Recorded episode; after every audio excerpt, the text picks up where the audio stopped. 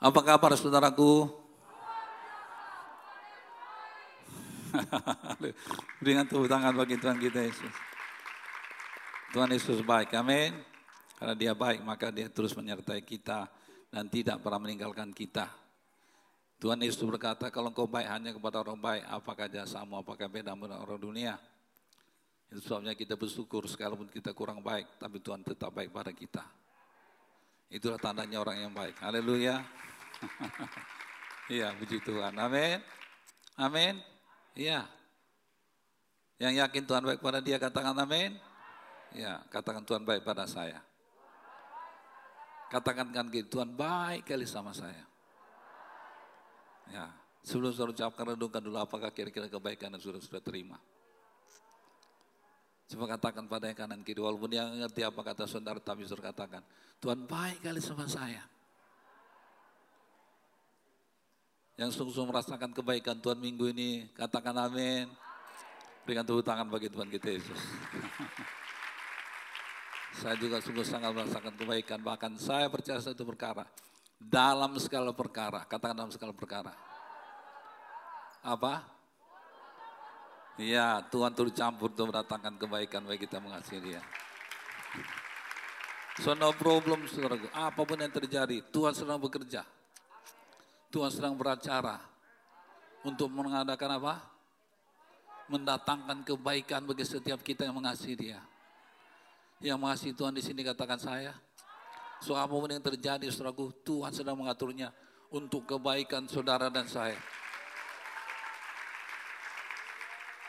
Haleluya. Apa pun kata dunia, firman Tuhan ya dan amin. Bumi dan langit boleh berlalu, tapi firman Tuhan tinggal tetap. Yang percaya semua perkara mendatangkan kebaikan bagi dia katakan haleluya. Salam penerimaan berikan tepuk tangan bagi Tuhan kita Yesus. Oh haleluya. Tuhan ku terima kasih karena firman Tuhan juga berkata senantiasalah percaya, senantiasalah bersuka cita dan senantiasalah berdoa. Itu bagian kita. Haleluya dan senantiasalah kita bukan firman Tuhan. Apa kata Tuhan hari ini? Mari kita membuka dari kitab 2 Tauri pasal 31 dan kita akan bicara bagaimana tentang mengatur sumbangan untuk para imam dan orang Lewi. Wow. Haleluya. Tengah-tengah suasana seperti itu Tuhan berbicara tentang pokok yang lain. Berarti apa? Tuhan berkata, ah, engkau usah pusingkan itu. Haleluya. Pendeknya dengar aja mau katakan, maka aku akan melakukan apa yang kukatakan. Karena engkau juga melakukan apa yang kukatakan.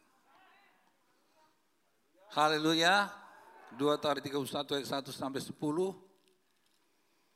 Ayat 1 sampai 10 saja kita baca. Baik, sebelum kita membacanya, mungkinkah ada di antara kita ini di tengah-tengah suasana seperti ini ada yang baru pertama kali datang beribadah di sini. Kalau kalau ada di antara saudara yang baru pertama kali datang beribadah di sini, tolong angkat tangannya sebentar. Kami boleh menyambut saudara dengan tepuk tangan, bersyukur pada Tuhan. Kalau ada? Ada? Baik, tidak ada ya. Mari kita bangkit berdiri, kita akan membaca yang bergantian.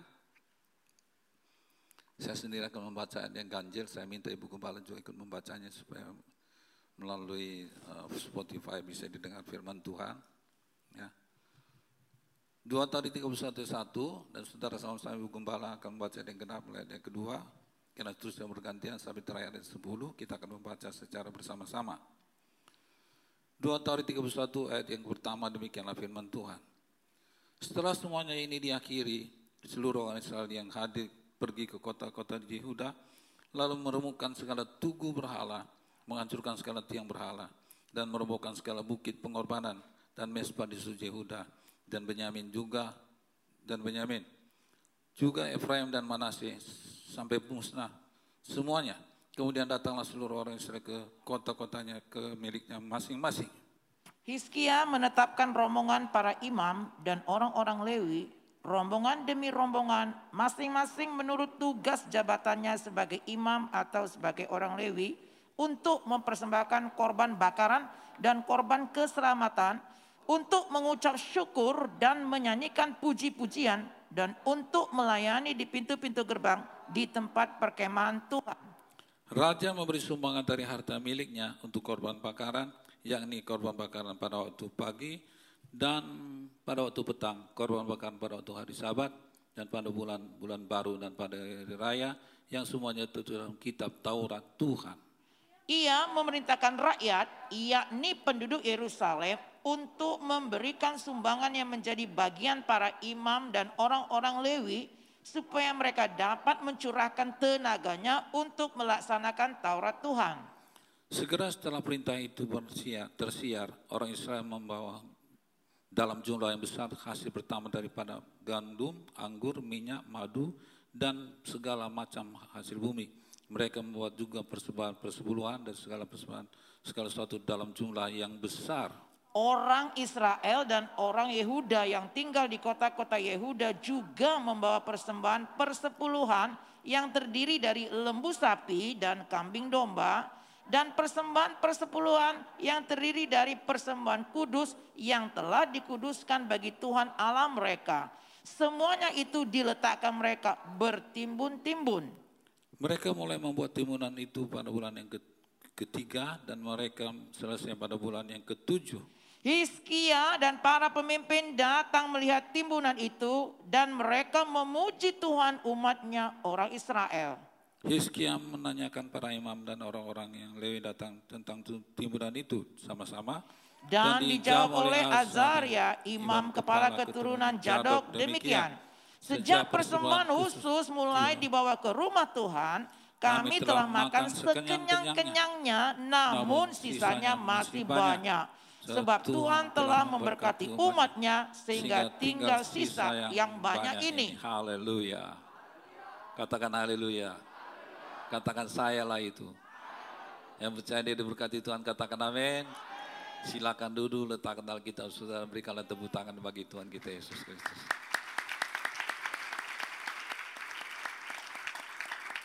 Seperti yang saya katakan tadi, suatu yang kasih, apa pun yang terjadi, firman Tuhan berkata apa? Tetaplah bersuka cita, bahkan bersyukur.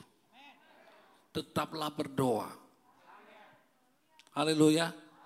Ya, saudaraku yang kasih dalam nama Yesus Kristus, seperti kita tahu suasana pandemi seperti sekarang, bukan seperti, tapi sekarang ini begitu luar biasa mencekam. Saya tadi malam mendapat WhatsApp dari seorang yang saya itu bukan seorang pendeta, bahkan yang saya boleh katakan seorang yang kurang rohani lah. Tapi dia berkata, Pak Pendeta, kalau boleh ajalah kawan-kawan itu berdoa sama-sama. Begini mengerikannya suasana ini dia katakan. Dan sebelumnya juga saya sudah mendapat WhatsApp dari seorang rekan pendeta hamba Tuhan berkata, Bapak Tio kita aja doa yuk. Terserah jam berapa saja dia katakan. Oh saya katakan, we are ready. Kami setiap hari Senin doa syafaat. Mulai jam 7 sampai jam setengah 9. Dan Senin sampai Sabtu, sampai Sabtu, sampai Sabtu ya. Kami juga doa puasa di seluruh wilayah Jabodetabek. Kapan saja yuk kita gabung. Saudaraku yang kasih tidak tidak kita harus mengakui suasana begitu mencekam. Tapi dalam suasana apa pun Tuhan tetap menyertai kita.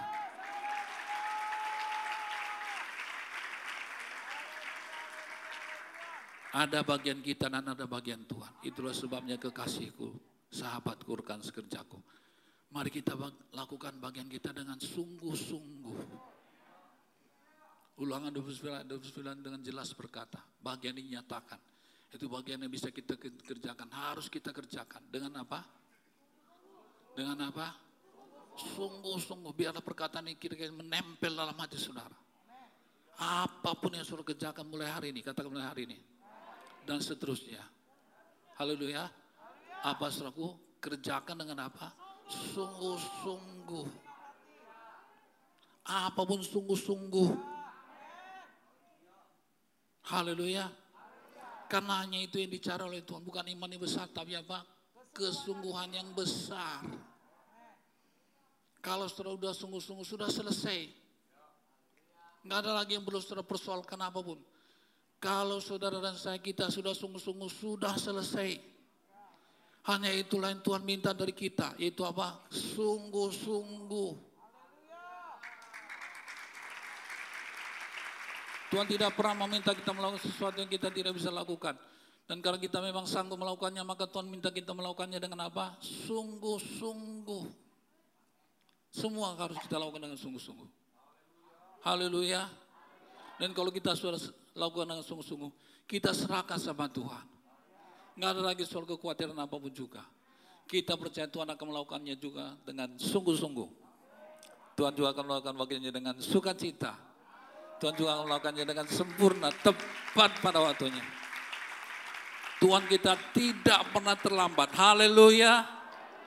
Haleluya. Yang percaya Tuhan akan tetap menyertai dan tetap menolong dia. Bahkan Tuhan tetap memberkati dia. Katakan amin. Berikan tepuk tangan bagi Yesus Tuhan kita. Oleh karena mari kita fokus pada apa kata Tuhan pada kita hari ini. Di tengah-tengah suasana seperti sekarang ini, apa kata Tuhan? Haleluya. Dua minggu yang lalu kita sudah dengar bahwa karena Tuhan melihat kesungguhan hati orang Israel dan orang Yehuda dalam mencari mengharapkan pertolongan Tuhan. Maka meskipun, katakan meskipun, meskipun kekudusan mereka belum sesuai dengan standar Tuhan, Tuhan masih mau mendengar dari sorga. Masih ingat khotbah minggu lalu katakan amin. Dua minggu lalu, haleluya. Saya khawatir saudara melupakan khotbah saya dua minggu lalu karena saudara mendengar khotbah minggu lalu yang luar biasa. Haleluya. haleluya. Amin. Saya pikir perlu lagi diterbitkan berita iman ya supaya ingat. Haleluya. Ya nanti kita terbitkan lagi mulai minggu depan barangkali ya. Supaya saudara boleh pulang dan renungkan di rumah lagi. Nah, saudaraku yang kasih, sekalipun ukuran keurusan mereka belum sesuai dengan standar Tuhan. Tapi Tuhan mengabulkan doa mereka. Mendengar dari surga permohonan mereka. Dua tahun pasal 30 ayat 18. Kembali itu saya membaca. Sebab sebagian besar dari rakyat, terutama dari Efraim, Manasye, Isaka dan Jebulon, tidak mentahirkan diri. Namun mereka melakukan paskah, walaupun tidak sesuai dengan apa yang ada tertulis tetapi Hizkia berdoa untuk mereka katanya, apa? Tuhan yang baik itu kiranya mengadakan pendamaian bagi semua orang. Yang apa? Ayat yang 19. Yang sungguh-sungguh berhasrat mencari Tuhan Allah. yakni Tuhan Allah nenek moyangnya. Walaupun ketara mereka tidak sesuai dengan tempat kudus.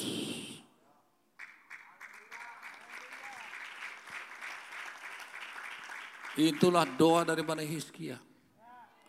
Tuhan kiranya mendengar doa mereka lalu standar kekudusan mereka tidak memenuhi syarat. Lalu apa yang terjadi? Ayat 20. Tuhan mendengar Hizkia dan membiarkan bangsa itu selamat.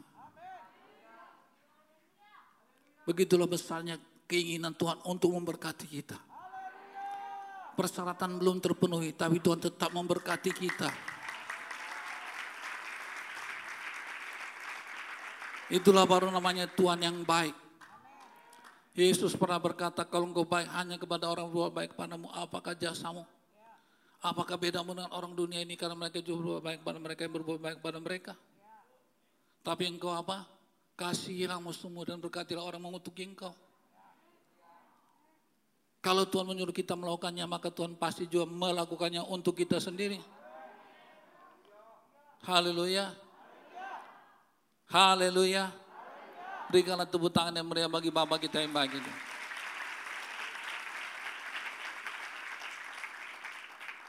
Tuhan mendengar Hizkia dan mendengar dan membiarkan bangsa itu selamat.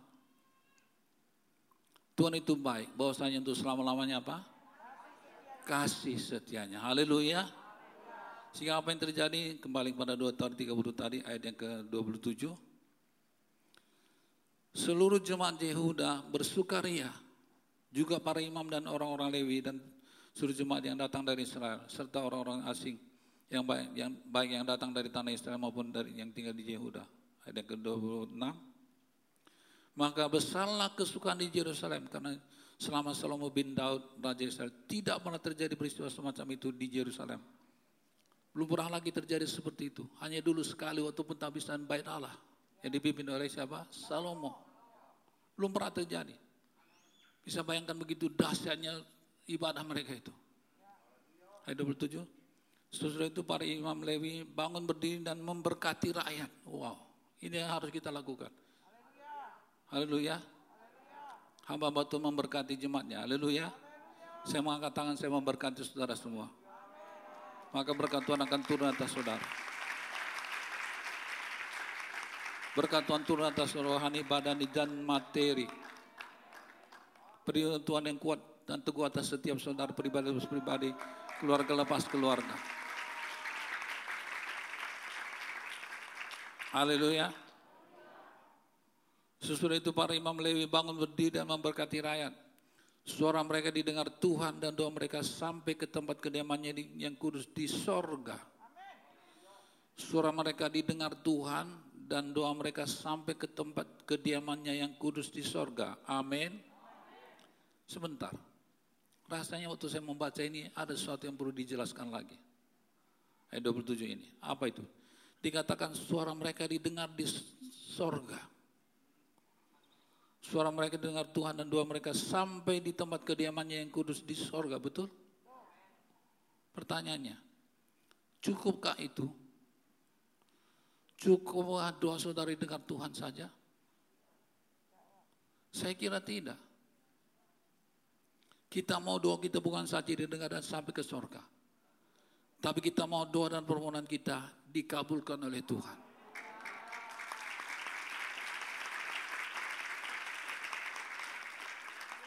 Benar sudah sampai ke sorga, benar sudah didengar oleh Tuhan. Tapi apakah dikabulkan atau tidak? Saya tergugah untuk membahas ini. Haleluya. Ya. Jadi kita mau doa kita bukan saja didengar dan sampai ke sorga, tapi kita mau doa dan permohonan kita dikabulkan oleh Tuhan. Haleluya. Kenapa? Karena kalau Tuhan baru dan hanya mendengar doa dan permohonan kita, itu artinya apa? Tuhan setuju. Tapi belum bisa mengabulkan permohonan doa kita. Dia setuju dan sepakat permohonan kita itu benar kita butuhkan. Tapi dia belum bisa mengabulkan permohonan doa kita. Haleluya. Kenapa? Karena Tuhan hanya bisa bertindak, menjawab doa dan mengabulkan permohonan kita. Bila kita juga sudah bertindak dan melakukan apa yang dia firmankan.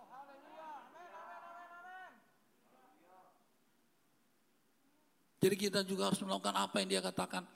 Barulah dia akan melakukan apa yang dia katakan. Tidak cukup sekedar percaya, tapi melakukan apa yang kita percaya. Yakobus pasal 2 ayat ke-17. Demikian juga halnya dengan iman. Jika iman itu tidak disertai apa? Perbuatan maka iman itu pada ikannya adalah apa? Mati. Nggak ada gunanya. Nggak bisa Tuhan buat apa-apa. Tuhan setuju. Tapi Tuhan nggak bisa berbuat apa juga. Kenapa? Kita hanya percaya, kita hanya berkata amin. Iman tanpa perbuatan pada ikannya apa? mati. Nggak ada gunanya. Haleluya. Itulah sebabnya saya katakan selalu. Bila kita melakukan firman Tuhan, maka Tuhan pun akan melakukan apa? Yang dia firmankan, apa yang dia janjikan. Makanya kita berkata yang Tuhan cari bukan orang yang beriman, tetapi orang yang apa? Bersungguh-sungguh melakukan firman. Saya kira kelas kita harus naik. Mana tepuk tangannya? Namanya gereja kemenangan iman. Haleluya. Kelas iman kita harus naik. Kita harus melakukan apa yang kita percaya. Tidak sekedar berkata amin, amin, haleluya, haleluya. Tidak. Walaupun banyak juga orang Kristen yang hanya bilang amin pun susah. Anggu-anggu pun susah. Mungkin ada yang berkata, saya tidak berkata amin tapi apa yang sudah lakukan itu yang Tuhan akan lakukan. Kalau sudah berkata Tuhan aku butuh ini, ya berkata ya aku tahu aku butuh. Kalau sudah berkata sekedar anggu-anggu, haleluya, Ketika saudara sampaikan permohonan, Tuhan juga berkata, Ya. Tapi ketika saudara lakukan sesuatu, dia pun pasti melakukan sesuatu.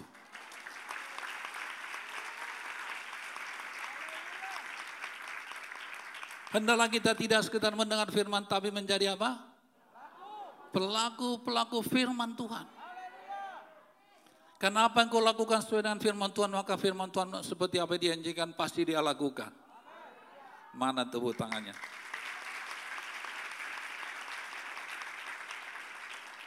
Haleluya. Jadi kembali lagi yang Tuhan lihat adalah apa? Tindakan dan perbuatan kita. Bukan sekedar percaya itu ucapan iman. Oleh karena itu mari hasilkanlah buah sesuai dengan pertobatan. Karena Tuhan cari apa? Buah.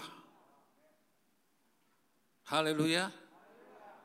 Nah sekarang kita kembali lagi kepada tema kita. Apakah buah yang mereka hasilkan? Ayat 1 dari 2 Taurikh pasal 31 tadi.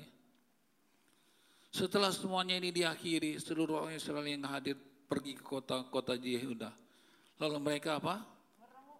Meremukkan segala tugu berhala, menghancurkan segala tiang berhala, dan merobohkan segala bukit pengorbanan dan mesbah di seluruh Yehuda dan Benyamin, juga di Efraim dan Manasye.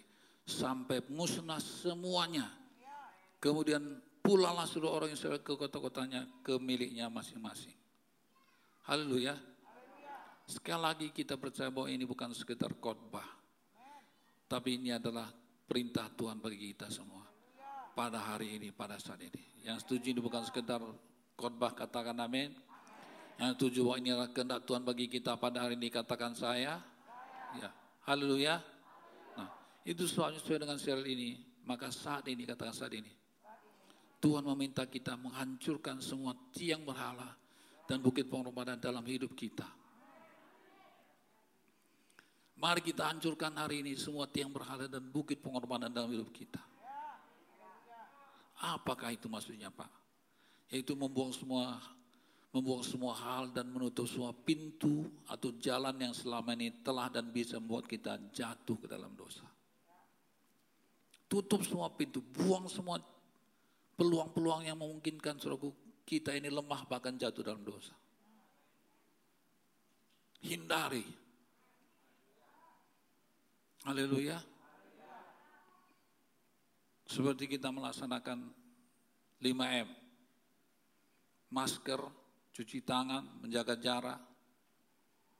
Haleluya. Menjaga kerumunan, satu lagi apa? Mempersingkat waktu pertemuan dan seterusnya. Haleluya. Nah, saudara yang kasih.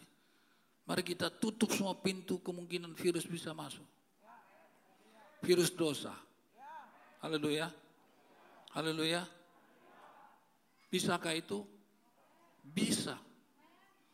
Hari Jumat dalam pertemuan pelayanan yang lalu, suatu Jumat yang kemarin, suatu Ibu Gembala menyampaikan bahwa di dalam Kristus, katakan dalam Kristus, kita adalah orang merdeka. Haleluya kita sudah bebas. Katakan amin. Roma 8 ayat 1. Demikianlah sekarang tidak ada penghukuman bagi mereka yang ada di dalam Kristus Yesus. Roh yang memberi hidup telah apa? Telah memerdekakan kamu, katakan memerdekakan saya. Dalam Kristus dari hukum dosa dan hukum maut.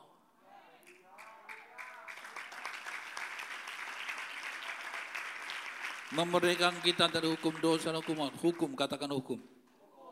Katakan hukum. Ya sederhananya hukum gravitasi. Ya hukum gravitasi itu seperti apa? Seperti ini, kalau saya lepaskan dia pasti akan jatuh, betul? Demikianlah juga dengan hukum dosa. Bagaimanapun juga di luar Kristus, saudara pasti jatuh dalam dosa. Di luar Kristus, saudara bagaimanapun juga pasti jatuh dalam keadaan, uh, apa namanya, masuk dalam kerajaan maut. Amin. Tapi dalam Kristus kita sudah bebas. Haleluya. Kita bebas dan bisa melakukan apa saja. Yang yakin dia bisa dan bebas melakukan apa saja katakan amin. Ya. Bebas dan bisa belum tentu boleh. Betul? Katakan saya bebas. Saya bisa. Tapi belum tentu selaku yang kasih boleh. Bebas lakukan semua. Bisa lakukan semua. Kalau di luar Kristus kita terikat pada hukum. Kita melakukan ini nggak bisa, kita lakukan itu nggak bisa. Kita harus patuh pada hukum dosa dan hukum maut. Tapi luar Kristus kita bisa dan bebas. Tapi walaupun bisa dan bebas belum tentu apa? Boleh. Yang ngerti katakan amin. Kalau bisa dan boleh melakukan segala sesuatu itu namanya nggak benar. Ngaco namanya. Boleh lakukan semua itu nggak betul. Haleluya saudaraku. Bisa dan benar, bebas tetapi belum tentu apa? Boleh. Katakan amin. Katakan bisa dan bebas. Bisa dan bebas. Tapi belum tentu boleh.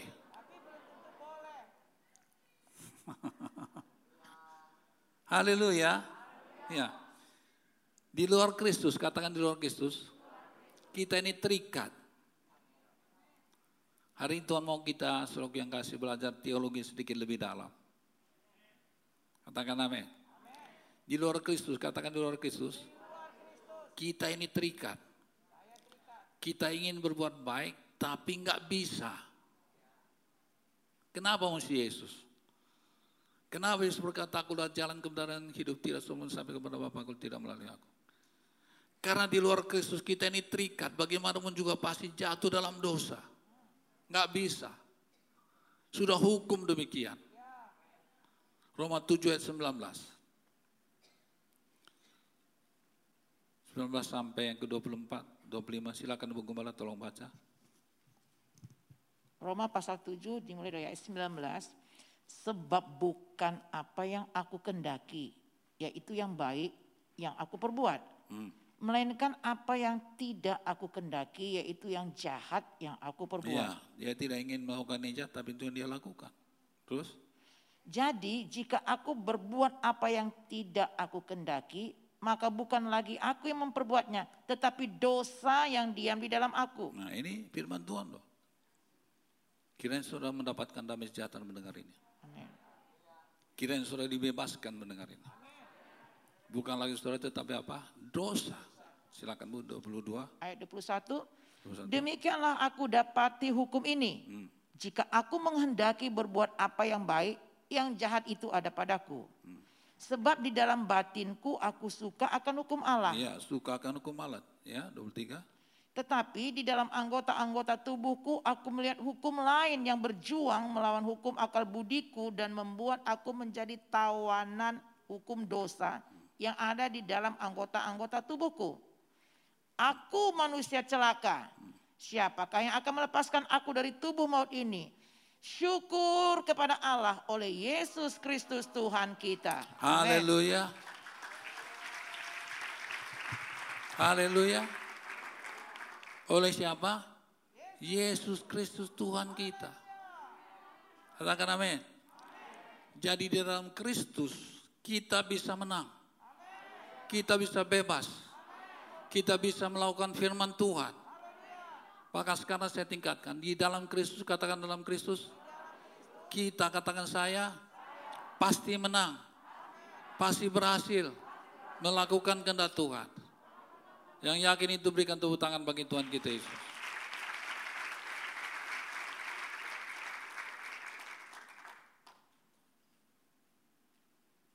Haleluya.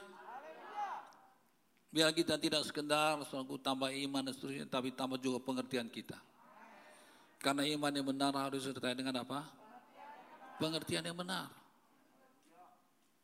Supaya saudara mengerti apa menjadi bagian saudara, bukan bagian saudara. Dalam 2 Korintus pasal yang kelima yang ke-17 apa kata Tuhan?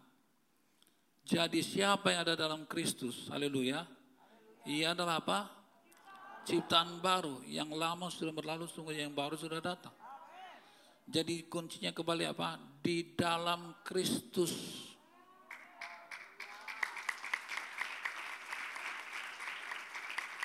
Kita menjadi apa? Ciptaan baru, yang lama, katakan yang lama sudah berlalu, yang baru katakan yang baru, sudah datang. Haleluya. Nah, ini bicara bukan tentang situasi dan kondisi yang baru saja atau yang baik saja, tetapi bicara tentang hati dan pikiran yang baru, yaitu keinginan yang baru.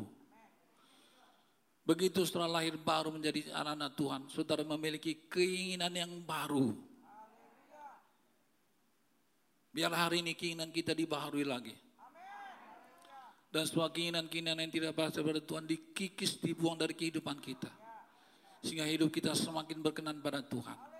Kalau hidup kita semakin berkenan pada Tuhan, percayalah berkat Tuhan pun akan terus menyertai kita.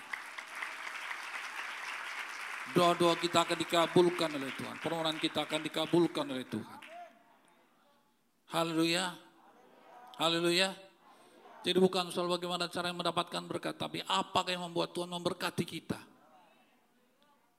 Haleluya. Nah, yang kasih, jadi ini bicara tentang apa? Hati dan pikiran yang baru, yaitu keinginan yang baru. Dalam kitab Yeskiel pasal 36 ayat 26 sampai 28 Tuhan berkata bahwa Dia akan memberikan kepada kita hati dan roh yang baru. Silakan Bu ayat 26 sampai 28. Yeskiel pasal 36 ayat 26 kamu akan kuberikan hati yang baru dan roh yang baru. Ya, yaitu keinginan yang baru ya. Roh dan hati yang baru itu keinginan yang baru ya. Teruskan. Di dalam batinmu dan aku. Yaitu Tuhan ya. Terus. Tuhan akan menjauhkan dari tubuhmu hati yang keras dan kuberikan kepadamu hati yang taat. Tuhan berikan kepada kita hati yang taat, menjauhkan dari tubuh kita hati yang keras. Terus ayat 27. 27. Rohku akan kuberikan diam di dalam batinmu dan aku Tuhan akan membuat kamu hidup menurut segala ketetapanku dan tetap berpegang pada peraturan-peraturanku dan melakukannya. Terus 28 dan kamu akan diam di dalam negeri yang telah kuberikan kepada nenek moyangmu dan kamu akan menjadi umatku dan aku akan menjadi Allahmu. Haleluya.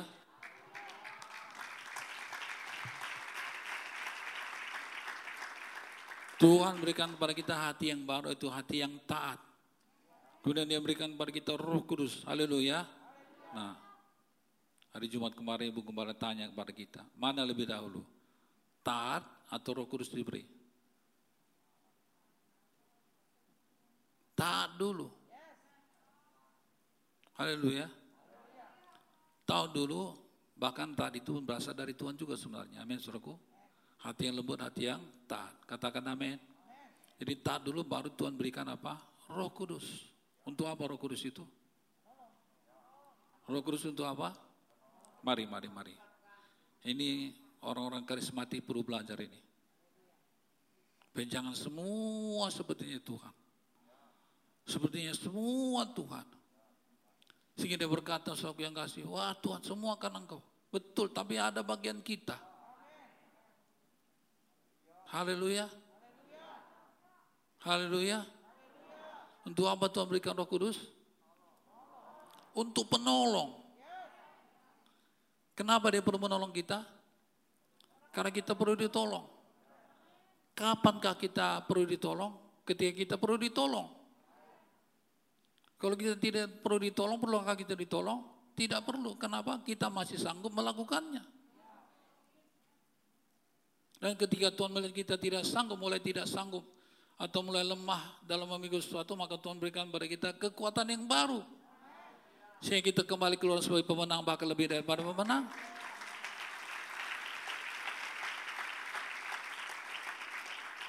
Katakan Tuhan adalah apa? Penolong. Katakan roh Tuhan adalah apa?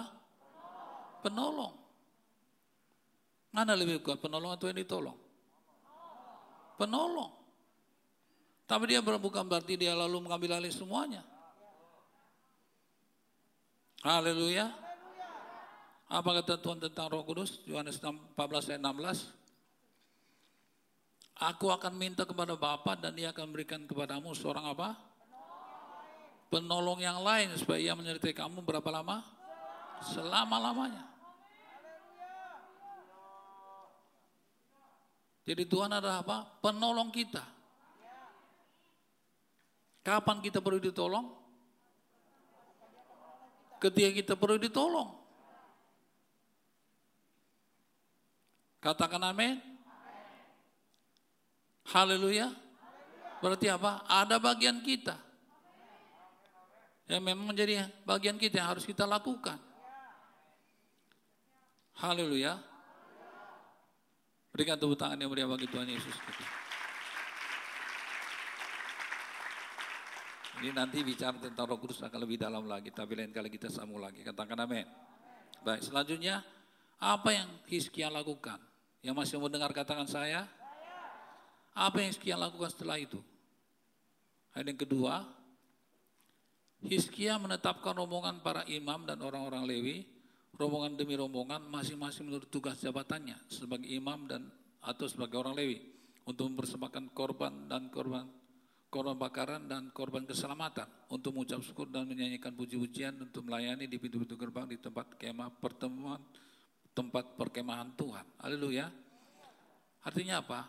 Hizkia mengatur atau mempersiapkan ibadah. Kita sudah dengar dua minggu lalu begitulah soal kondisi rohani daripada bangsa Israel dan Yehuda sehingga mereka tidak lagi peduli akan ibadah. Tetapi, kata tetapi, Hizkia mulai mengaturkannya lagi. Hal itu ya. Kenapa? Karena Hizkia mengerti bahwa ibadah adalah tanda atau bukti bahwa seseorang membutuhkan Tuhan. Kenapa saudara beribadah pada pagi ini? Bukan karena disiplin, tapi karena saudara butuh Tuhan. Bahkan terutama, katakan terutama, orang beribadah itu tandanya dia sudah bertobat. Tanda hidupnya sudah berubah. Haleluya. Iya, Tanda kita membutuhkan apa? Tuhan. Katakan amin. Haleluya. Jadi ibadah itu, katakan ibadah itu. Mestinya bukan saja sebuah kesukaan, tetapi sebuah kebutuhan. Saya ulangi, ibadah itu mestinya bukan saja sebuah kesukaan, tapi sebuah apa? Kebutuhan. Butuh ibadah. Bagaimana lagu ini kalau nggak ibadah? Jadi bukan sekedar suka, walaupun banyak yang gak suka juga. Coba lihat di mana kelas saudara. Haleluya. Katakan amin. Orang yang butuh ibadah itu mengerti betul-betul ketergantungannya kepada Tuhan. Orang suka ibadah itu mungkin karena suasana nyaman, hadirat Tuhan membuat dia damai sejahtera, suka cita, penyakitnya disembuhkan dan seterusnya. Berikan dia iman, berikan dia pengertian yang baru. Orang yang gak suka beribadah sama sekali, orang yang gak memang tidak berharap pada Tuhan sama sekali. Tetapi orang yang butuh Tuhan, dia tahu tanpa Tuhan dia tidak bisa buat apa pun juga. Haleluya. Saudara di posisi yang mana? So, kalau sekedar suka, nanti kalau nggak suka nggak datang ibadah. Nggak suka di GKI, pergi ke GKO. Ya kan? Firman Tuhannya menegur saya terus. Nah saudara mau apa? Emangnya gue pikirin, haleluya. Yang lebih suka firman Tuhan mengenal pada dia daripada tidak, katakan amin. Yang benar. Yang benar. Kok saya lihat ada yang tersinggung. Haleluya. Jadi ibadah itu mestinya bukan sekedar kesukaan, tetapi apa tadi? Kebutuhan.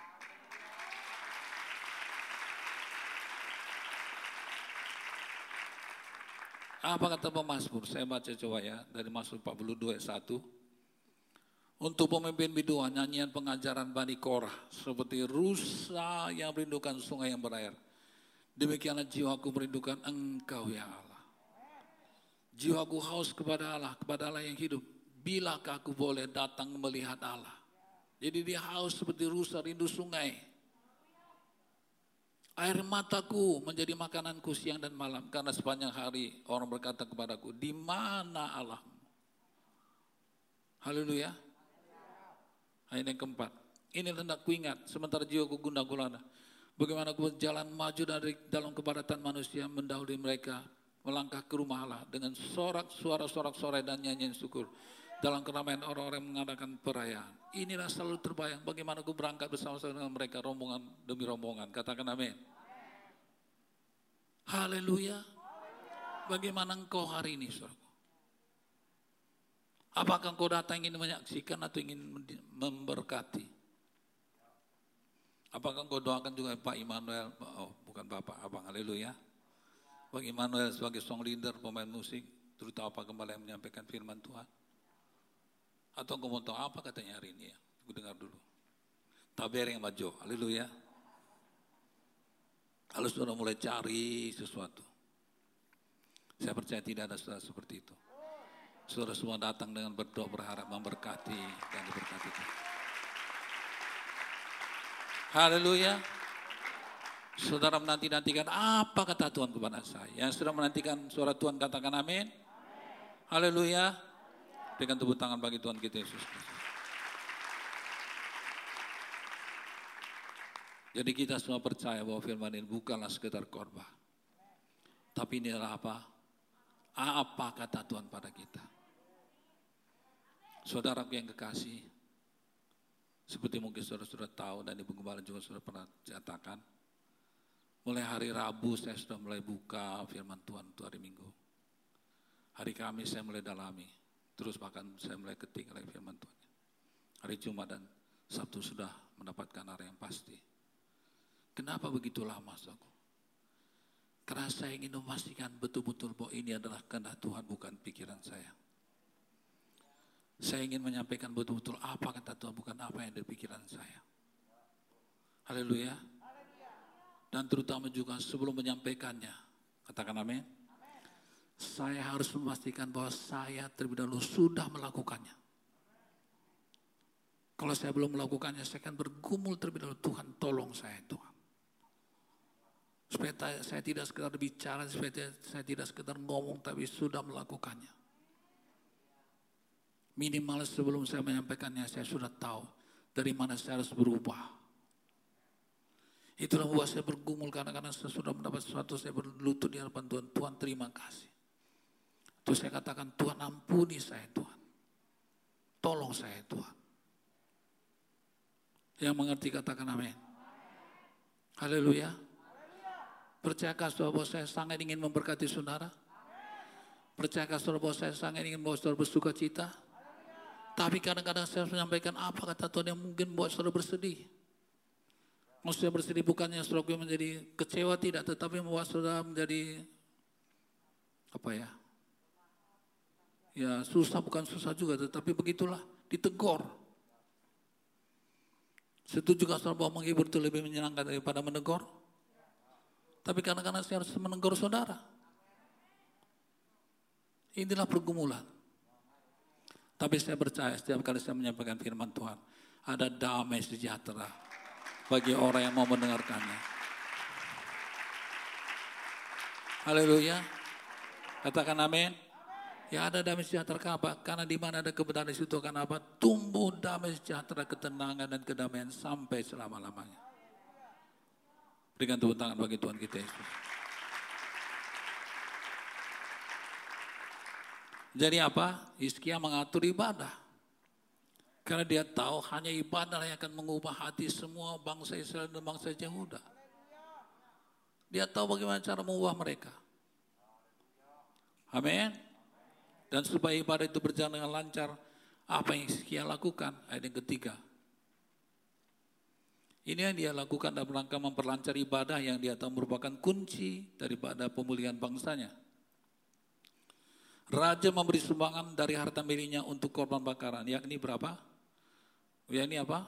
Korban bakaran pada waktu pagi dan pada waktu petang. Korban bakaran pada waktu hari-hari sabat dan pada bulan-bulan baru dan pada hari raya. Yang semuanya itu dalam Taurat Tuhan. Jadi apa? Hizkia memberikan persembahan bagi terlaksananya yaitu suatu ibadah tersebut. Itulah yang dia lakukan. Takkan amin. Haleluya. Jadi Hizkia tidak hanya bicara, tapi dia terlebih dahulu melakukannya. Dia terlebih dahulu memberi dari apa yang ada padanya. Setelah itu apa yang dia lakukan ayat yang keempat. Silakan. Saya membaca saja ya ayat 4 ya. Ia memerintahkan rakyat yakni penduduk Yerusalem untuk memberikan sumbangan menjadi bagian para imam, yang menjadi bagian para imam dan orang-orang Lewi supaya mereka dapat apa? Mencurahkan tenaganya untuk melaksanakan Taurat Tuhan. Jadi dia memerintah, dia memerintahkan rakyat untuk memberi persembahan kepada Tuhan untuk kebutuhan para imam dan orang-orang Lewi. Karena apa? Mereka harus melaksanakan apa? Tugas mencurahkan tenaganya untuk apa? Melaksanakan Taurat Tuhan. Haleluya. Ya, sudah semula kita tahu bahwa Tuhan sudah menetapkan bahwa satu suku dari dua suku Israel itu suku Lewi menjadi apa hamba Tuhan full timer katakan amin Apa kata Tuhan tentang suku ini? Bilangan 18 ayat 21. Saya masuk lebih dalam. Dengarkan firman ini. Ini bukan sekedar pengetahuan tetapi apa kata Tuhan. Ada pesan Tuhan bagi kita semua hari ini. Yang mau mendengar pesan Tuhan katakan amin. Ya, tapi sebelumnya saya harus jelaskan terlebih dahulu apa latar belakangnya ya. Bilang 18 ayat yang ke-21. Mengenai Bani Lewi, sesungguhnya aku berikan kepada mereka segala persembahan persepuluhan jadi persepuluhan itu adalah milik Bani Lewi, milik hamba Tuhan full timer. Di antara orang Israel sebagai milik pusakanya. Untuk apa? Membalas pekerjaan yang dilakukan mereka, pekerjaan pada kemah pertemuan. Makanya, katakan makanya. Kalau ada saudara yang enggak membayar persepuluhan, saudara mencuri milik hamba Tuhan. Dikatakan sebagai mencuri. Karena sesungguhnya itu apa? Milik Tuhan, milik hamba Tuhan. Sebenarnya milik Tuhan yang harus diberikannya kepada pegawainya. Siapakah pegawai Tuhan? Hamba Tuhan full timer. Kenapa mereka harus diberi? Karena mereka tidak dapat tanah warisan. Haleluya. Nah, jadi itulah yang dia suruh yaitu apa? Memberi persembahan. Katakan amin. Lalu apa yang terjadi? Ayat 5 sampai 7, silakan Bu baca. Ayat 5. Segera setelah perintah ini tersiar, orang Israel membawa dalam jumlah yang besar hasil pertama daripada gandum, anggur, minyak, madu, dan segala macam hasil bumi. Mereka membawa juga persembahan persepuluhan dari segala sesuatu dalam jumlah yang besar. Orang Israel dan orang Yehuda yang tinggal di kota-kota Yehuda juga membawa persembahan persepuluhan yang terdiri dari lembu sapi dan kambing domba dan persembahan persepuluhan yang terdiri dari persembahan kudus yang telah dikuduskan bagi Tuhan Allah mereka. Semuanya itu diletakkan mereka bertimbun-timbun. Mereka mulai membuat timbunan itu pada bulan yang ketiga dan mereka selesai pada bulan yang ketujuh. Haleluya. Demikianlah banyaknya persembahan itu, betul? Bertimbun-timbun. Empat bulan sampai butuhkan waktu begitu lama untuk mengumpulkannya. Katakan amin. Nah, seperti yang saya katakan beberapa minggu ini, bila hati kita benar, katakan bila hati saya benar, dan senantiasa memikirkan kepentingan orang banyak, memikirkan kepentingan orang banyak, maka Tuhan akan menggerakkan orang, yaitu jiwa-jiwa di sekitar kita, untuk mendukung dan menolong kita. Saya lagi katakan ulangi. Kalau hati kita murni di hadapan Tuhan, benar di mata Tuhan, dan senantiasa memikirkan kepentingan orang banyak, bukan egois, maka Tuhan akan menggerakkan orang lain di sekitar kita untuk mendukung kita, bahkan memberkati kita. Saya sudah lihat suatu begitu banyak suatu keadaan yang membuktikan bahwa apa yang saya katakan ini benar. Kalau seorang hamba Tuhan itu benar murni hatinya, pasti diurapi Tuhan, pasti diberkati Tuhan. Pasti. Bahkan seperti yang saya katakan dua minggu lalu, katakan amin. Bahkan dalam urusan bisnis pun kalau kita memikirkan kepentingan orang banyak, itulah bisnis yang pasti berhasil. Mau menjadi pejabat kalau kita memikirkan kepentingan rakyat banyak, kita pasti dipilih. Tapi berapa banyak pejabat yang berkata memikirkan kepentingan rakyat, tapi akhirnya mementingkan dirinya sendiri. Coba saudara pikirkan itu. Itulah kunci diberkati.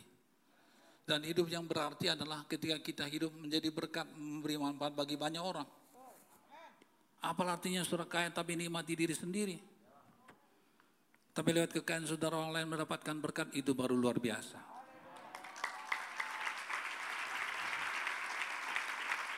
Hiduplah berarti, saudara. Katakan haleluya. Nah, itu yang terjadi terhadap Hizkia dan para pemimpin yang bersama dengan dia. Kenapa? Dia memikirkan orang banyak. Kalau Hizkianya memikirkan dirinya sendiri, dia sudah raja kok. Dia butuh apa lagi? Enggak ada lagi. Tapi dia memikirkan siapa? Rakyat banyak, orang Yehuda dan orang Israel ini. Maka sekarang saya tanya kembali, apakah sudah pernah memikirkan orang lain? Enggak. Gak usah dulu soal makan minum mereka lah. Soal keselamatan jiwa mereka sudah pikirkan enggak? Apa sih terbeti dalam hatimu? Atau engkau sibuk terus membangun karir terus. Rumah mesti yang kau bangun terus. Tabunganmu terus yang kau pikirkan. Itulah juga tujuannya kau datang ke kebaktian. Apa pun kau lakukan tujuannya untuk memperkaya diri sendiri itu kayak ada padamu. Ada nggak sedikit saja terlintas pikiran saudara? Haleluya. Ingat seperti saya katakan dua minggu lalu, kita sudah tetapkan Tuhan menjadi apa? Berkat bagi semua kaum di muka bumi. Yesus menegaskan dengan lebih jelas lagi kamu adalah apa? Garam dan terang dunia. Bila garam itu menjadi tawar, tidak ada gunanya lagi.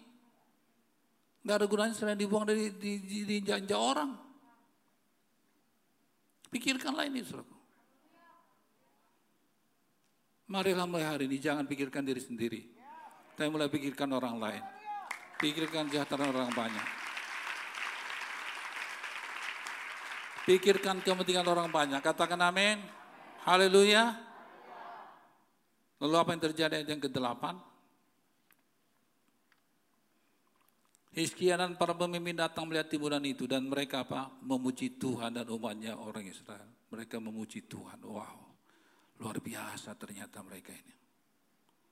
Rupanya surat yang kasih oleh saya selama ini mencari orang yang bersungguh-sungguh murni hatinya. Dan ketika mereka merapati itu ada pada Jokowi. Eh, haleluya. Katakan amin. Ketika mereka mendapat itu ada pada Hizkia, katakan amin. Mereka pun mendukungnya. Katakan amin. Nah, ayat yang ke-9. Kiskia menanyakan para imam dan orang-orang Lewi tentang timuran itu. Ayat 10, dan dijawab oleh ya imam kepala keturunan Jadok demikian. Sejak persembahan khusus mulai dibawa ke rumah Tuhan, persembahan khusus mulai dibawa ke rumah Tuhan, kami telah makan sekenyang-kenyangnya. Namun apa? Sisanya masih banyak. Sebab apa? Tuhan telah memberkati umatnya sehingga tinggal sisanya yang banyak ini.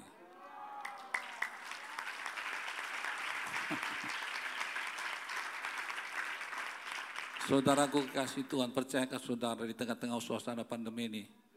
Ada anak-anak saya yang diberkati Tuhan secara khusus. Ada. Haleluya. Kemarin istri saya dapat hadiah, haleluya. Hadiah dari seorang anaknya yang dikasihinya.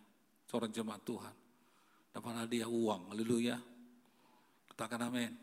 Saya cemburu juga, amin. Ibu gembala dikasih kok saya enggak, haleluya. Kenapa? Karena dia pasti diberkati Tuhan. Di tengah-tengah suasana orang terpuruk dalam nilai ekonomi, justru anak-anak saya diberkati oleh Tuhan, itulah saudara semua.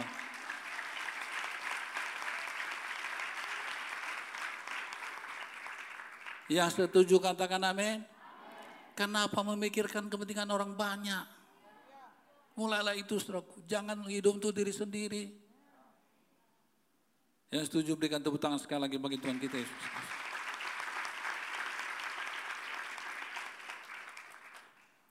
Percayakah saudara bahwa janji Tuhan pasti akan digenapi? Ya. Tidak peduli masa pandemi atau tidak. Bila kita sudah menabur, kita pasti menuai pada musimnya pasti menuai. Kalau sudah tiba musim menuai, pasti menuai. Apa kata firman Mazmur pasal 1 ayat 1? Berbahagialah orang yang tidak berjalan nasihat orang fasik, yang tidak berjalan orang berdosa dan yang tidak dalam kumpulan pencemooh, pencemooh apa? Pencemooh firman. Tetapi yang kesukaannya lah apa? Taurat Tuhan yang meruntuhkan Taurat itu siang dan malam ia akan menjadi seperti pohon yang tanam tepi air yang menghasilkan buahnya kapan? Kapan? Kapan? Kalau sudah tiba musim berbuah, dia pasti berbuah. Kapan? Artinya apa? Kalau sudah musim berbuah tiba, pasti berbuah. Yang menghasilkan buahnya pada musimnya, pada musimnya. Kalau sudah tiba musim berbuah, pasti berbuah. Kalau sudah menabur, sudah pasti akan menuai.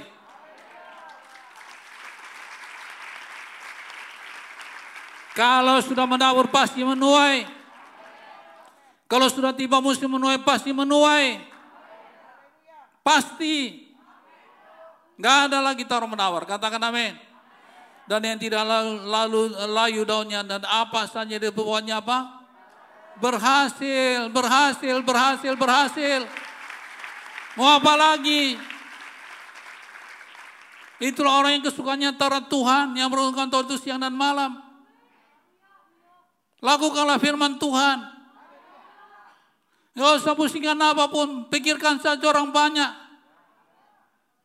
Lakukan saja firman Tuhan, maka firman Tuhan pasti digenapi atas kehidupan saudara dan saya. Mana tepuk tangannya?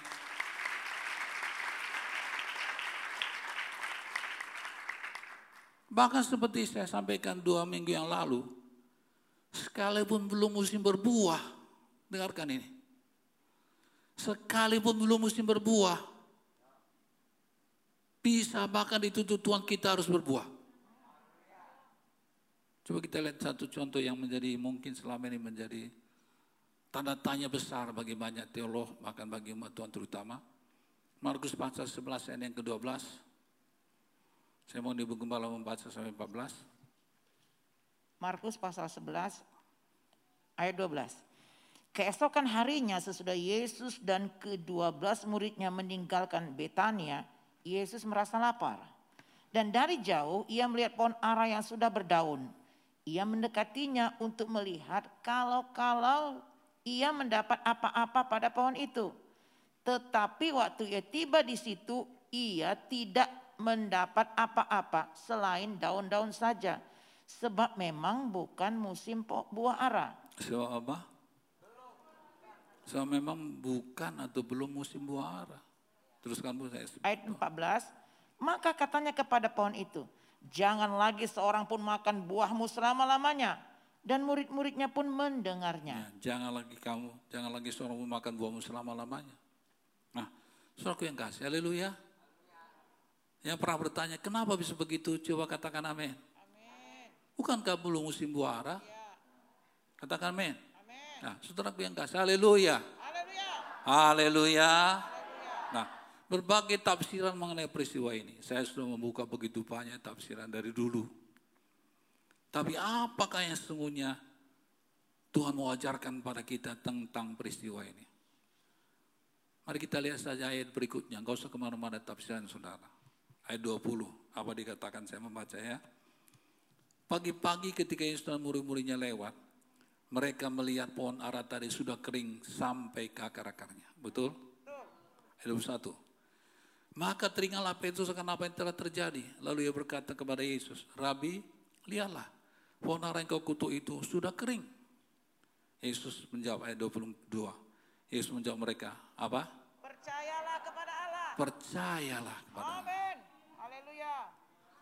Hanya itu jawaban Yesus, tidak ada yang lain. Katakan amin. Amin. Yesus sudah berkata, habis gue lapar sih. Enggak.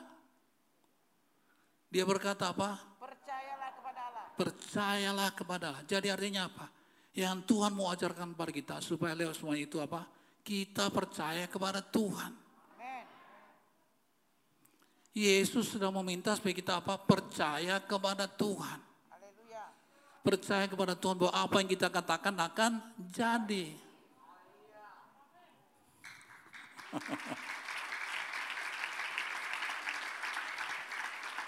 Perhatikan ayat berikutnya, perhatikan ayat berikutnya. Tuhan gak masalahkan soal pohon ara, katakan amin. Kalau manusia mungkin dia tidak berkata demikian, tapi ini pohon. Emangnya pohon mau protes, emangnya pohon bisa masuk neraka, haleluya. Udahlah yang ngerti-ngerti, yang nggak ngerti biarin aja nggak ngerti. Kau pohon bicara tentang neraka, katakan amin. Terlalu lama nanti saya khotbah ini, kalau waktunya sudah habis. Waktu, oh, puji Tuhan, nggak ada waktu, haleluya. Berarti bebas sampai sore, haleluya. Katakan amin. Apa kata Tuhan? Jadi Yesus sedang apa mengajar kita untuk percaya kepada apa? Allah. Tuhan Allah. atau Allah. Ayat yang ke-23. Aku berkata kepadamu sesungguhnya, barang siapa berkata kepada gunung ini, jadi Yesus sedang menceritakan tentang apa? Mengajarkan tentang kuasa daripada apa? Perkataan, perkuasa. Ucapan atau perkataan. Haleluya. Haleluya. Barang siapa berkata pada gunung ini, beranjalan tercambelam laut, asal tidak bimbang hatinya, tetapi percaya Apa dikatakan itu akan terjadi, maka hal itu akan terjadi. Amin. Katakan amin. Karena itu aku berkata kepadamu apa saja kau minta dan doakan. Percayalah bahwa kamu telah menerimanya maka itu akan diberikan kepadamu.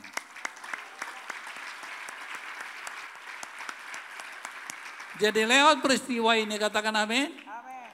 Tuhan mengajarkan bahwa pertama apa apa pun yang aku ucapkan akan jadi. Bahkan katakan bahkan, katakan bahkan, katakan bahkan, bahkan apa? Bahkan apa? Sekalipun belum musim buah arah, engkau katakan berbuah, dia harus berbuah, apa pun kau katakan itu akan jadi. Kiranya Roh Kudus melengkapi kalimat saya.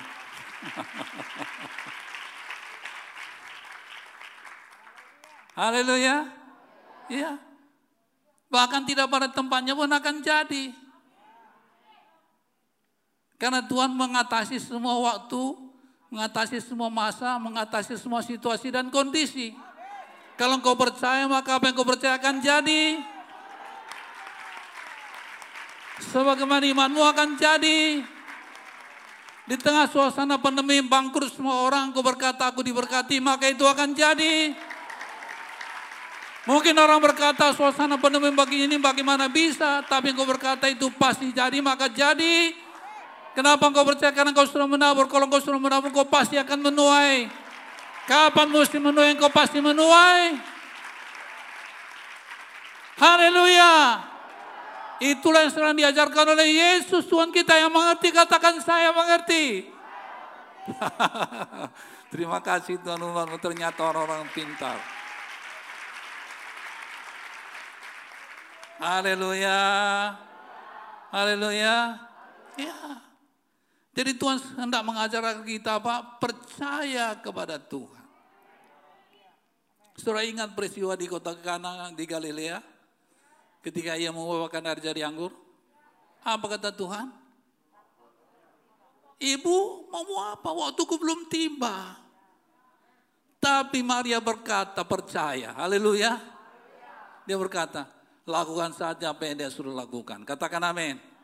Katakan amin. Dengan kalimat lain Maria berkata, aku tahu kau bisa melewati masa dan waktu. Aku tahu apa yang kau katakan pasti akan jadi.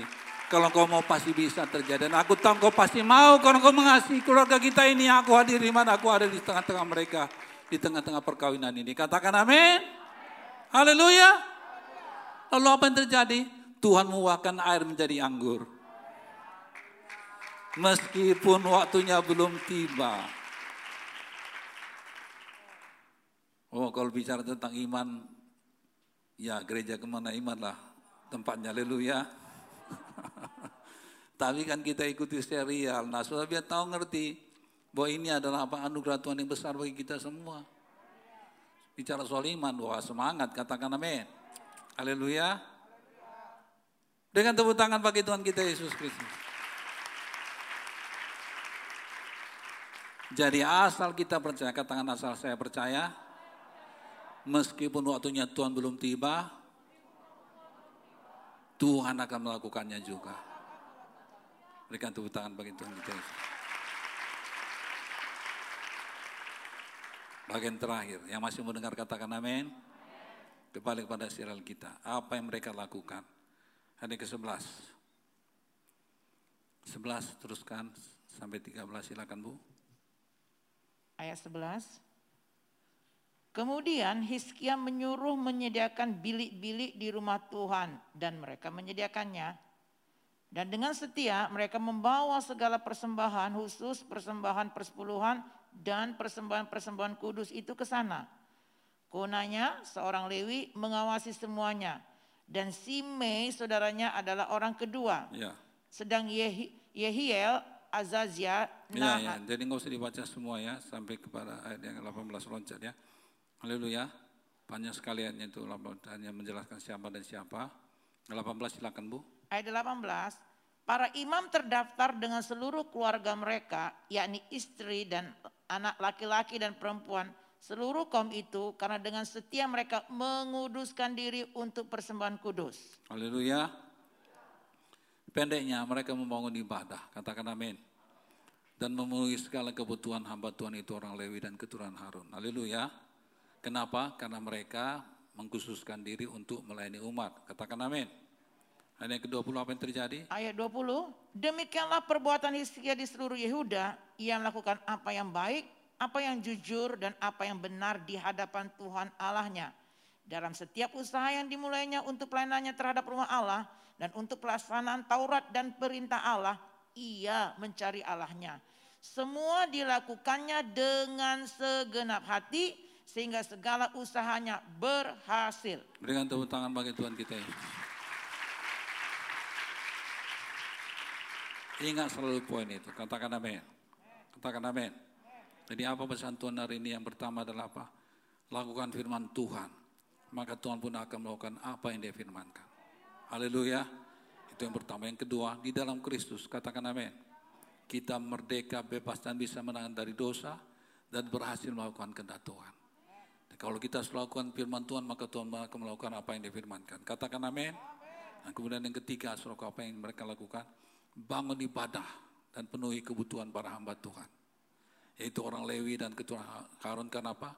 Mereka sepenuh waktu melayani Tuhan. Judul khotbah ini sebenarnya salah satu adalah apa? Perhatikan kebutuhan hamba Tuhan. Haleluya. Selain dengan setia mereka membawa persembahan ke rumah Tuhan. Mereka juga membawa persembahan khusus. Apa itu? Saudara yang kasih dalam nama Yesus Kristus. Hari ini saya kembali lagi harus memuji Tuhan. Buat apa yang Tuhan sudah sampaikan pada kita semua pada hari ini. Haleluya. Khususnya mengenai hal memberi ini.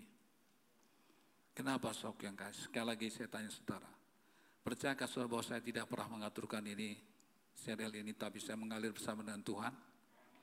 Yang percaya bahwa Pak Gembala tidak pernah menyusun waktu kapan khotbah ini, katakan amin. Saya justru bertanya-tanya apa yang Tuhan sampaikan minggu depan. Jadi begini, stok, haleluya. Hari Kamis, saya dan Ibu Gembala rapat dengan tim Diakonia. Ada David, Daniel, Sirait, dan juga Christian dan Joshua. Mas yang kasih, kita akan menggalang dana untuk kegiatan yaitu apa? Diakonia. Katakan amin. Ya, perlu saya tegaskan pada saudara bahwa diakonia ini saya tidak beriman untuk saya berikan kepada jemaat GKI. Karena saya percaya jemaat GKI tidak butuh diakonia. Karena mereka semua diberkati oleh Tuhan.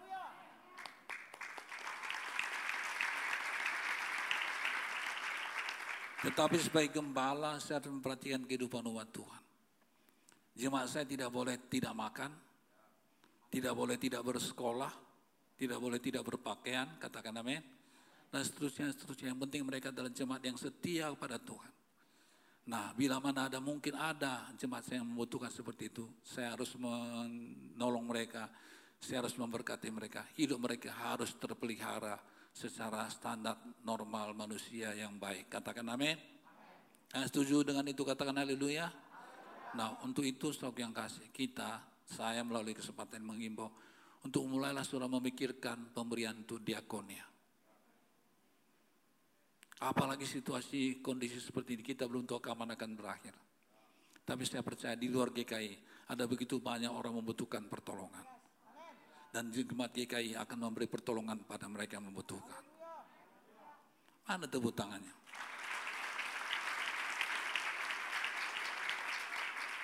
Anak-anak saya ini sudah mengaturnya sistemnya begitu rupa luar biasa. Saya kagum, so memang Tuhan siapkan semua anak-anak saya ini, mempersiapkan semua pelayanan ke depan, sehingga ke depan jauh lebih baik lagi. Haleluya. Nanti mungkin dalam salah satu acara Leader, kita akan dengarkan apa mereka sampaikan. Itu yang pertama. Yang kedua, haleluya.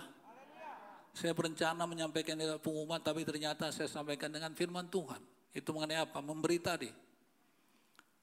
Hari Kamis, hari, hari Jumat ya, Hari Jumat saya sudah mendoakan Sok yang kasih, saya sudah mendoakan karena sudah membeli dua buah mobil bekas untuk kebutuhan pelayanan gereja Tuhan ini yaitu jemaat Tuhan yang ada di wilayah Jakarta, Jakarta dan wilayah selatan. Ada ke wilayah selatan kebatian pada pagi ini? Yang sudah dengar apa yang saya maksudkan ini katakan amin. Ya, Jadi saya sudah memutuskan untuk membeli Rumpun Jakarta dan wilayah selatan, dua buah mobil. Satu mobil Avanza,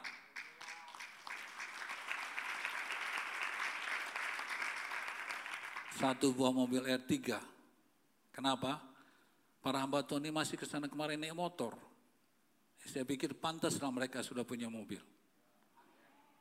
Naik mobil ke sana kemari. Katakan amin.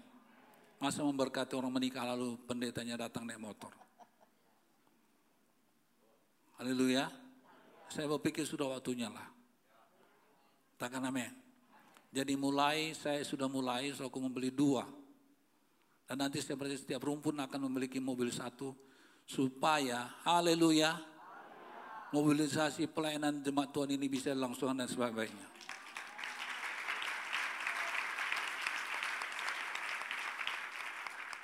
Jadi mulai bulan depan, katakan amin. Ini bulan apa di bulan Juni ya, bulan Juli. Kita akan menambah satu lagi pos persembahan sebagai jalan untuk Tuhan memberkati saudara. Mana aminnya? Angsurannya nggak banyak-banyak kok. Berapa saudara mau beli silahkan saja. Ini akan sampai ke seluruh Jabodetabek. Mungkin ada yang berkata, aku hanya bisa memberi 10 ribu satu bulan, it's okay. 20 ribu it's okay. 10 ribu kali 10 kali 1000 orang sudah 10 juta. Berapalah angsuran mobil? Oke. Okay. Wilayah selatan sudah punya sistem sendiri. Masa pulsa bisa 30 ribu, nggak apa-apa ini untuk pekerjaan Tuhan. 10 ribu aja sebulan loh. Panjang kali monyong itu, haleluya. Yang percaya itu bisa katakan amin. Yang percaya itu bisa katakan haleluya. Berikan tepuk tangan bagi Tuhan kita Yesus. ya, silakan. Katakan amin. Jadi stok yang kasih ini bicara di luar pada persepuluhan. Kenapa? Persepuluhan sudah kita tahu hukumnya itu sesuatu yang wajib. Betul apa tidak? Kalau tidak disebut apa tadi? Pencuri. Karena itu milik hamba Tuhan. Katakan amin. Ya Yesus berkata itu suatu kewajiban. Coba kita lihat sebentar ya, latar belakangnya Matius pasal 22 21. Yang masih suka cita mendengar katakan haleluya. Ayat 21, jawab mereka gambar dan tulisan kaisar. Lalu Yesus kata Yesus kepada mereka, berikanlah kepada kaisar apa yang wajib kamu berikan kepada kaisar dan kepada Allah apa yang wajib kamu berikan kepada Allah. Jadi sok yang kasih apakah maksudnya ini? Yaitu persepuluhan persepuluhan satu hal yang wajib. Katakan amin. Nah sekarang saya tanya lebih jauh. Kolekte, ucapan syukur, persembahan rumah Tuhan, apalagi mobilisasi tadi, diakonnya wajib apa tidak? Wajib apa tidak? Tidak. Nggak wajib. Kolekte nggak wajib. Ucapan syukur nggak wajib. Kenapa persepuluhan wajib? Karena kita berikan dari yang kita terima. Surah apa satu juta, surah berikan 10 persen. Maka Tuhan akan naikkan menjadi 2 juta. Berikan 200 ribu, maka naikkan menjadi 5 juta. Katakan amin. Demikianlah seterusnya. Jadi kita beri dari apa yang ada. Itu adalah merupakan apa? Pajak kepada Tuhan. Karena hamba Tuhan melayani saudara. Katakan haleluya. Tapi tentang kolekte tidak. Nggak wajib. Apa kata Tuhan tentang kolekte? 2 Korintus pasal 9 yang ke-6. Jam kala ini orang yang menabur sedikit akan menuai sedikit juga. Dan orang yang menabur banyak akan menuai banyak juga. Ayat yang ketujuh sama-sama dua tiga ayat.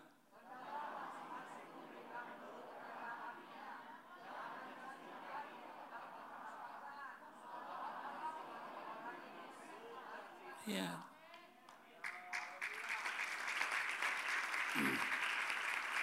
Jadi nggak wajib. Katakan amin. Iya. Suruh memberi silakan, nggak diberi, nggak memberi juga nggak apa-apa, itu terserah. Tapi ketika saya mendoakan kolektif surat apa doa saya, Tuhan berkati mereka semua Tuhan. Bukan 30, 60 kali ganda, tapi 100 kali ganda akan berkatmu atas kolektif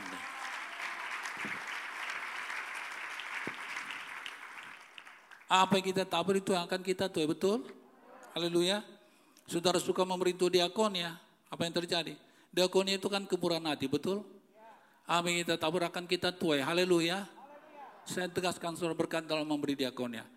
Kalau saudara suka memberi untuk diakonnya, maka saudara akan selalu mendapat kemudahan-kemudahan, selalu mendapat kemurahan-kemurahan. Semua urusan saudara berjalan dengan lancar.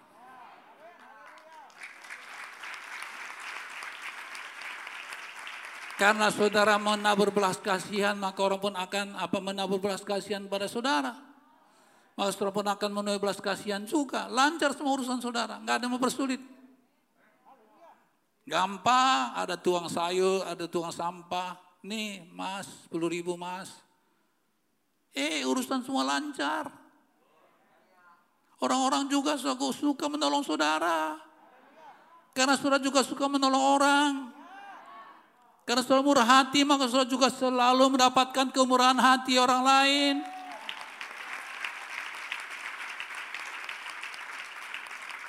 Haleluya. Ya. Katakan amin. Nah saudara suka memberi untuk saudara yang kasih penginjilan. Apa berkat penginjilan? Kalau saudara memberi untuk penginjilan berarti saudara untuk jiwa-jiwa yang terhilang bukan? Betul apa tidak? Haleluya. Berarti kalau saudara terbawa jiwa-jiwa yang terhilang, Tuhan akan menjamah orang-orang yang sedang saudara doakan supaya diselamatkan. Barangkali dia orang tua saudara, barangkali dia tante saudara, suami atau istri saudara, siapa pun juga. Tuhan pasti bekerja menjamati mereka karena saudara penuh dengan belas kasihan untuk jiwa-jiwa yang terhilang. Yang ngerti berikanlah tepuk tangan bagi Tuhan kita Yesus. Iya. Karena apa kita tabur dituangkan kita tuai. Berintu penginjilan. Termasuk orang yang berintu IR. Yesus kita prema, haleluya. Untuk apa kita bangun IR? Bukan untuk gagah-gagahan. Untuk membuka 70 cabang. Siapa mengerjakan kalau bukan dari IAR? Jadi jangan sudah salah sangkakan hal tersebut. Kalau sudah suka memberi untuk penginjilan, maka jiwa yang sedang saudara doakan itu diselamatkan. Yang punya jiwa untuk didoakan sudah diselamatkan, katakan saya, Tuhan akan selamatkan mereka.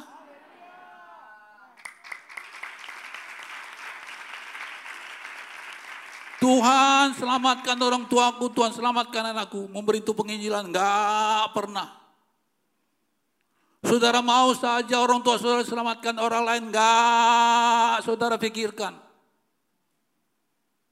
Egois. Punyakah saudara belas kasihan atau tidak? Haleluya. Kalau kita tabur maka kita pasti menuai. Katakan amin. Entah bagaimana caranya Tuhan menjawab doa saudara, tulang saudara diselamatkan oleh Tuhan. Daging saudara apa lagi? Haleluya. Yang mengerti katakan haleluya. Berikan tepuk tangan bagi Yesus Tuhan kita. Ya, berikan tuh iar. Berikan untuk iar. Haleluya. Iya. Kesempatan untuk diberkati begitu luas, saudaraku. Saudara berkata, Pak, harus saya berikan ucapan syukur apa yang saya dapatkan. Nah, ini satu yang penting sekali. Ketika Paulus dan Silas di penjara di kota Filipi, mereka memuji Tuhan. Tengah-tengah penderitaan itu mereka mengucap syukur. Lalu apa yang terjadi? Mujizat terjadi. Orang yang suka memberi ucapan syukur, dia akan selalu mengalami mujizat demi mujizat dalam kehidupannya. Pintu-pintu akan terbuka bagi dia.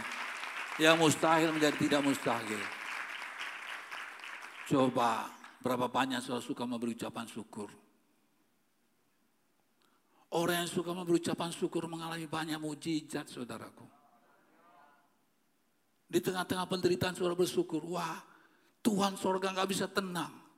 Anakku ini mestinya mengeluh tapi sekarang dia justru memuji Tuhan. Cepat kat. Kata Tuhan haleluya. Kat malaikat haleluya. Kat cepat cepat niku haleluya. Lalu terjadi apa yang terjadi? Pintu-pintu penjara terbuka dan bumi pun bergoncang.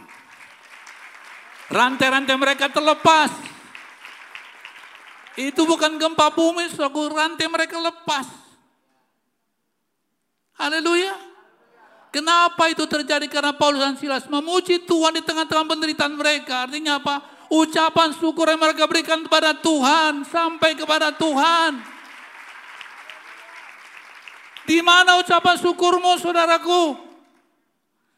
Kapan terakhir kali kau berikan ucapan syukur kepada Tuhan?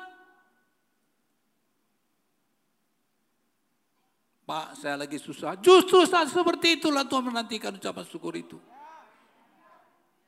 Kalau lagi dapat berkat, baru ucap syukur, itu pun kadang-kadang enggak juga, lupa. Haleluya. Berikan tepuk tangan bagi Tuhan kita Yesus. Nah sekarang yang terakhir.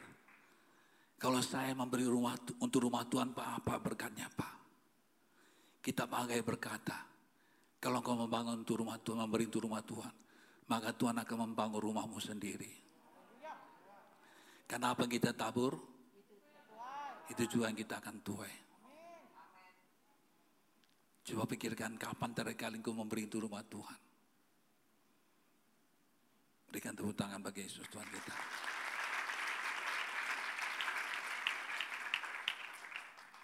Haleluya. Saya ingin Ibu Gembala membaca dengan tuntas Hagai pasal 1 ayat 2 sampai 8. Hagai pasal 1 ayat 2 sampai dengan ayat 8, ayat 2. Beginilah firman Tuhan semesta alam. Bangsa ini berkata, sekarang belum waktu belum tiba waktunya untuk membangun kembali rumah Tuhan. Maka datanglah firman Tuhan dengan perantara Nabi Hagai, bunyinya, Apakah sudah tiba waktunya bagi kamu untuk mendiami rumah-rumahmu yang dipapani dengan baik? Sedang rumah ini, rumah Tuhan tetap menjadi reruntuhan. Hmm. Oleh sebab itu beginilah firman Tuhan semesta alam. Perhatikanlah keadaanmu. Kamu menabur banyak tetapi membawa pulang hasil sedikit. Kamu makan tetapi tidak sampai kenyang. Kamu minum tetapi tidak sampai puas. Kamu berpakaian tetapi badanmu tidak sampai panas. Dan orang yang bekerja untuk upah ia bekerja untuk upah yang ditaruh dalam pundi-pundi yang berlobang. Beginilah firman Tuhan semesta alam. Perhatikanlah keadaanmu. Jadi naiklah ke gunung, bawalah kayu dan bangunlah rumah Tuhan itu. Maka aku akan berkenan kepadanya dan akan menyatakan kemuliaanku di situ firman Tuhan.